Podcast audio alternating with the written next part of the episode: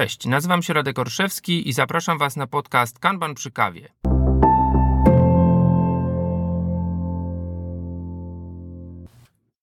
Witam Was serdecznie, z tej strony Radek Orszewski. Czas na 30, a więc e, mała okrągła rocznica, 30 e, odcinek podcastu Kanban przy kawie. Dzisiaj odcinek, w którym występuję tylko ja, odcinek tylko polskojęzyczny. E, ale odcinek, który odzwierciedli pewne zmiany, e, czy pewien wpływ ankiety i informacji zwrotnej, którą uzyskałem od Was w ostatnich kilkunastu dniach. Po pierwsze, ten odcinek będzie krótszy. Jeśli już na swoim odtwarzaczu podcastów widzicie, że jest krócej niż e, zwykle bywało, to właśnie efekt tego, że krótsze odcinki, czy, czy prośba o krótsze odcinki wygrała jako istotny czynnik, który chcemy zmienić w podcaście. Zobaczymy, na ile to się uda. Y, a druga rzecz to jest y, temat, który również jest zaproponowany y, w ramach informacji, którą od Was zbieram. Serdeczne podziękowania i pozdrowienia dla Tomka, który zapytał, no właśnie, w Skramie edukacją na temat Scrama, metod pracy zajmuje się Scrum Master, a w Kanbanie to właściwie kto?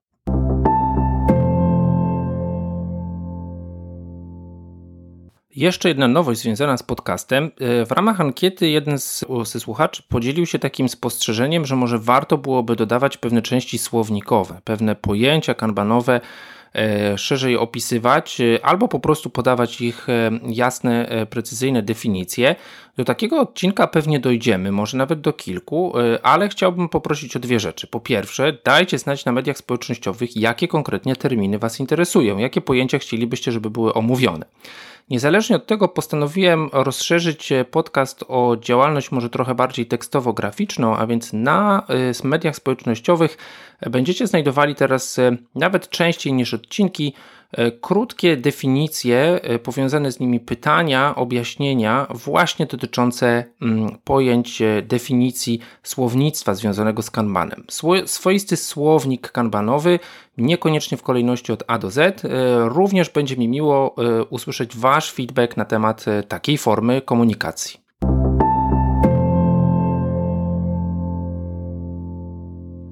Nie jest to odosobnione pytanie. Jest to pytanie, które się pojawia stosunkowo często, zarówno od osób, które no właśnie, próbują przejść z jednej metody pracy na drugą, czy próbują zaprząc, e, można powiedzieć, e, pewne praktyki kanbanowe do swojego zespołu. Niekoniecznie tutaj mówimy, że porzucamy, czy odchodzimy od, od jakiejś innej formy organizacji pracy.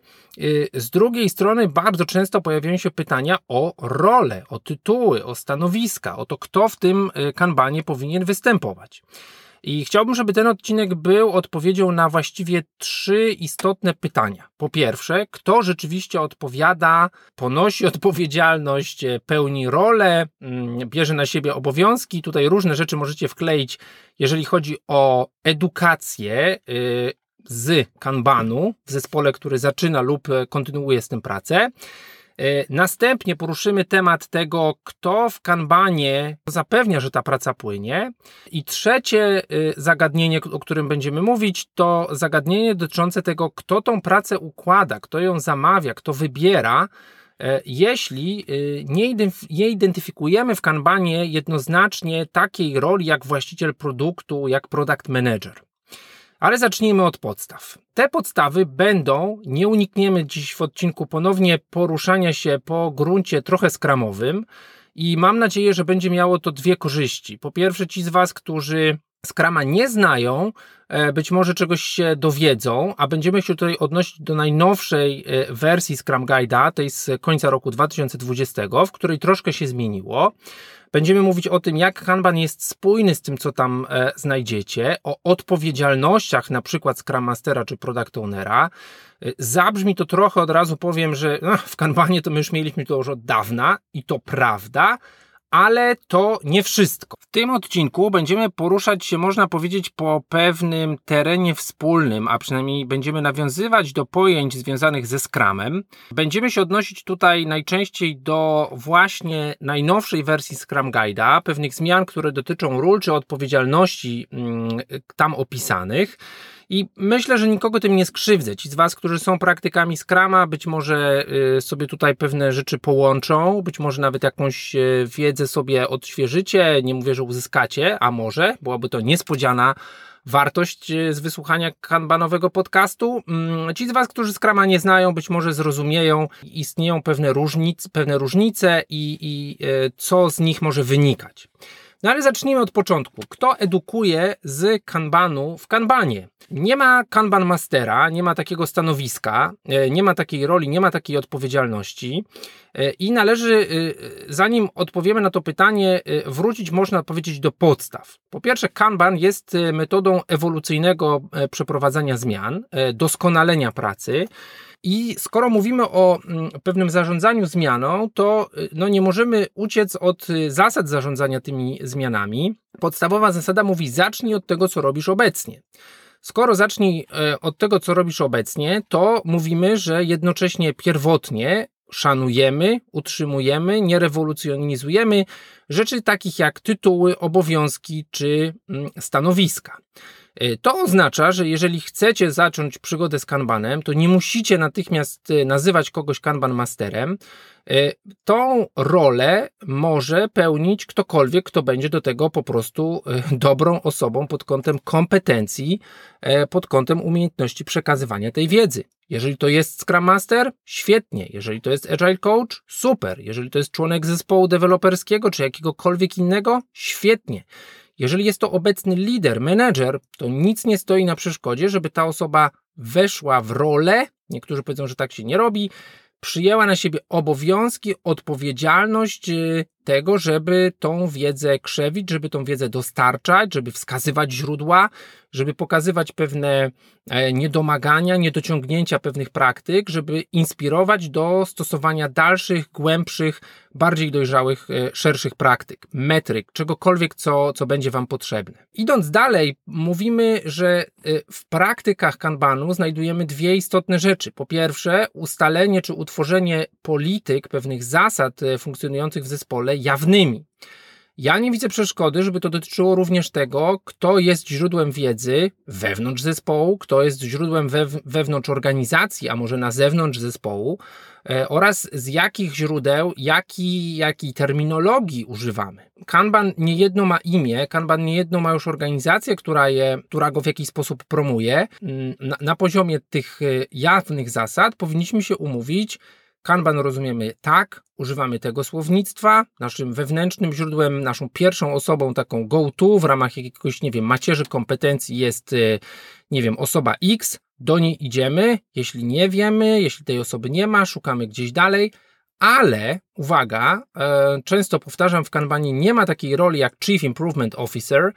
E, I przechodzimy od tego Make Policies Explicit e, do, do szóstej praktyki, a więc praktyki, która mówi o tym, że doskonalenie formy pracy czy procesu jest odpowiedzialnością zbiorową. Mówimy improve collaboratively. E, a to oznacza, że nawet jeśli sobie spiszemy, że X czy Y są naszymi źródłami wiedzy na chwilę obecną, to nie znaczy i nie zwalnia nas z tego, że E, no nikt inny nie może się w tym specjalizować, nikt nie może proponować, e, nikt nie może edukować, nie wiem, przynosić nagrań z jakiejś konferencji, meetupu czy, czy, czy linku do, mm, do artykułu. To wszystko jest jak najbardziej zgodne z tym, że właśnie przeprowadzamy te zmiany ewolucyjnie, że nie zaczynamy od rewolucji, nie zaczynamy od nazw. E, to jest może pewne rozczarowanie, jeśli oczekiwaliście tutaj definicji jakiegoś job description Kanban Mastera. Czegoś takiego tutaj nie usłyszycie. Taka y, może daleka, ale jednak e, inspiracja na samym końcu.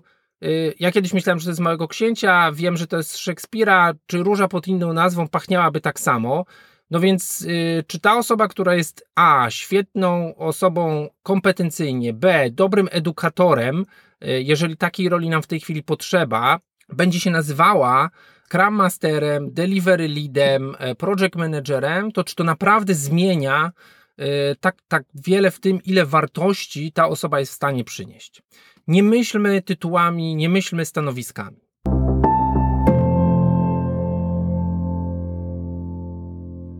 Ale pojawia się też y, pytanie y, drugie, a więc kto właściwie może to jest za mocne słowo, odpowiada, ale powoduje, zachęca do tego przepływu pracy, do tego flow. I tutaj pojawia się bardzo ciekawa koncepcja, która, którą głębiej w dojrzałym kanbanie e, promujemy, a więc coś, co nazywamy po angielsku emerging roles, takie wyłaniające się role. Mówimy, że często taką pierwszą wyłaniającą się rolą jest rola flow managera, a więc kogoś, kto powoduje przepływ e, pracy, zarządza tym przepływem pracy. To nie musi być jedna osoba, ale może. Mm, dlaczego? Dlatego, że będziemy mieli Kanban stosowany w takich, e, można powiedzieć, środowiskach, sytuacjach, w których znów ewolucyjnie, zaczynając od tego, co robimy obecnie, będziemy mieli team lidera, architekta, project managera, delivery managera, kogoś, kto rzeczywiście będzie miał wręcz explicite w swoim zakresie obowiązków, można powiedzieć, odpowiedzialność za to dowożenie. I pewnie taka osoba y, mogłaby być zmapowana do tej wyłaniającej się roli E, kanbanowej flow managera. Może to e, powodować pewnego rodzaju opór wobec tych e, z Was, którzy chcieliby pracować w nirwanie samoorganizujących, a może nawet samozarządzających się, jak teraz mówi Scrum Guide, zespołów, mm, ponieważ Kanban nie mówi, że musisz taką rolę wprowadzić. Prawdopodobnie ktoś takie obowiązki, e, takie aktywności będzie musiał w zespole podejmować, a tym samym, i to jest bardzo częsta praktyka, może być to rola rotacyjna. Może być tak i często to proponujemy, żeby daily jak najbardziej miało swojego facylitatora, ale to nie musi być ciągle jedna osoba. E, te same pytania e, z trochę innej perspektywy, mm, w trochę innej optyce o przepływ pracy, o to, czy coś nie trwa za długo, czy nie potrzebujemy pomocy, czy nie powinniśmy dokonać jakiegoś swarmingu, może zadawać przecież każdego dnia inna osoba. W podobnym rotacyjnym cyklu możemy przeprowadzać facylitację takich spotkań jak Flow Review czy SDR. To wszystko e, może stać, powiedziałbym, w zgodzie z rzeczywiście dojrzałym zespołem, w którym wiele osób będzie chciało się do takiej roli, e, można powiedzieć, pisać, e, będzie, będzie chciało taką rolę pełnić, nawet jeśli nie etatowo, nawet jeśli nie tytularnie, wracamy do tego, że nie chodzi o tytuły, e, tylko po prostu w ramach, no można powiedzieć, pewnej współodpowiedzialności w zespole, tak? Może ten w cudzysłowie ból rozkłada się na każdego po trochu.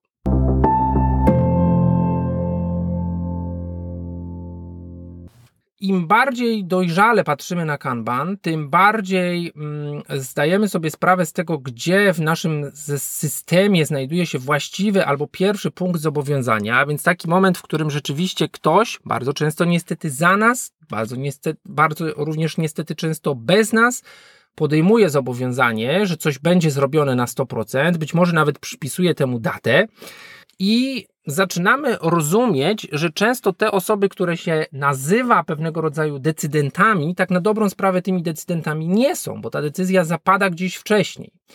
E, dlaczego o tym mówię? Mm, dlatego, że kiedy zaczynamy analizę tego, gdzie jest ten punkt zobowiązania, przynajmniej ten pierwszy, to tak na dobrą sprawę okazuje się, że różnego rodzaju właśnie delivery managerowie, y, nawet product ownerzy, to nie są osoby, które mm, tak na dobrą sprawę pełnią taką rolę. To są osoby, które pełnią rolę i tutaj idziemy z tymi emerging roles, z tymi wyłaniającymi się rolami pewien poziom wyżej.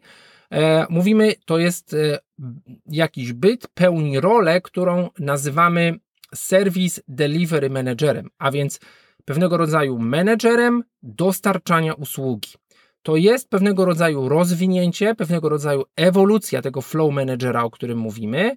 E, tutaj Często w niektórych organizacjach już to można powiedzieć jest w jakiś sposób kodyfikowane, a więc mówimy sobie tak, to jest właśnie ta osoba. I jeżeli to jest ta osoba, to dajmy tej osobie odpowiedni tytuł. I być może tutaj ewolucyjnie dojdziemy do tego, że ten tytuł będzie jasno w naszej organizacji mówił, co ta osoba e, robi, e, z jakimi problemami możemy się do tej osoby e, zgłosić, czy o, o, o co ta osoba będzie zabiegała, ale ja chcę powiedzieć, że to również może być byt, to również może być e, współodpowiedzialność e, pewnego zespołu czy grupy ludzi, która, e, która będzie ten temat razem ciągnęła. Jeżeli mamy więc tego Service Delivery Managera po jednej stronie mm, tego punktu zobowiązania, to pytanie, gdzie, mm, co się dzieje po tej drugiej stronie? Mówimy, że po tej drugiej stronie znów pojawia się pewien byt, pewna wyłaniająca się rola, którą nazywamy Service Requesting Managerem, a więc kimś, kto za zapytuje kto, kimś, kto e, zleca tą pracę. I często taką pracę możemy porównać rzeczywiście do dobrze rozumianego w skramie product ownera, a więc kogoś, kto nie wnika być może rzeczywiście w szczegóły tego delivery, tej, tej operacyjnej pracy, jak to zrobić, jak to zrealizować, ale przynosi pewnego rodzaju zapytanie, pewnego rodzaju problem. E, często na styku tych dwóch bytów, Service Requesting i Service Delivery Managera, ma miejsce oczywiście właściwa, właściwe sekwencjonowanie tej pracy, układanie jej w jakiejś kolejności, w zależności od pewnych e, czasów realizacji, od pewnych rozmiarów, mm, przypisywanie przynajmniej pierwotnej klasy usług, a więc tego z jakim priorytetem, z jaką pilnością, e, o jakim charakterze jest to zapytanie, czy ono jest bardzo pilne i powinno być zrealizowane natychmiast, czy ono powinno zostać mm, zaczęte odpowiednio wcześniej, żeby biorąc pod uwagę nasze czasy realizacji, zdążyć, można powiedzieć, bezpiecznie na czas. Znów pojawi się tutaj mm, nawiązanie do tego, że skoro powiedziałem, że e, Service Requesting Manager to może być rozumiane jako analog takiego product ownera, e, czy product managera, czy project managera, zależy w jakiej e, nomenklaturze funkcjonujemy, to prawda, ale powiem coś, co będzie w dużej sprzeczności z takim podejściem skramowym, a więc ja znam całkowicie dobrze funkcjonujące przypadki, w których rolę Service Requesting Managera pełni kilka osób, wręcz jakieś grono decyzyjne i to świetnie działa. To oczywiście jest y, no, w sprzeczności z takim podejściem, że statek musi mieć jednego kapitana, bo bardzo często ten statek ma kilka płetw sterowych i one nie są zsynchronizowane. E, I za tymi kołami sterowymi tych płetw sterowych e, stoi kilka osób, dwoje, troje. Oni zabiegają o to, żeby ten statek e, przewiózł coś z punktu A do punktu B. Mm, jeżeli oni się nie dogadają, jeżeli oni nie będą wiedzieli, że to, że oni kręcą tym kołem sterowym i wychylają swój ster, w ogóle nie pomaga, bo może być w ogóle niespójne z tym, jak tym sterem kręci ktoś inny w tym samym czasie, mm, to to działać nie będzie. Mówimy tutaj o właśnie takich typowych setupach, które no nie są taką nirwaną skramową, jeden produkt, jeden zespół, jeden product owner, ale o usługach E, gdzie, gdzie jeden zespół e, dostarcza usługi interesariuszom. Być może e, jest to, jest to kilka produktów, być może jest osobne strumienie nowego produktu i jego utrzymania i musimy tym zarządzać. No i znów powiem, nie dajmy zwalić tej odpowiedzialności, mówiąc tak kolokwialnie, na zespół delivery, czy nawet na tego delivery managera, czy, czy właśnie flow managera, czy jakkolwiek to się w naszej organizacji będzie nazywało, bo my często nie będziemy mieli pełni tego kontekstu i wiedzy, jak to ubrać, jeżeli chodzi o klasy usług, o priorytety, o momenty rozpoczynania, przede wszystkim o konkurencję tych rzeczy względem siebie.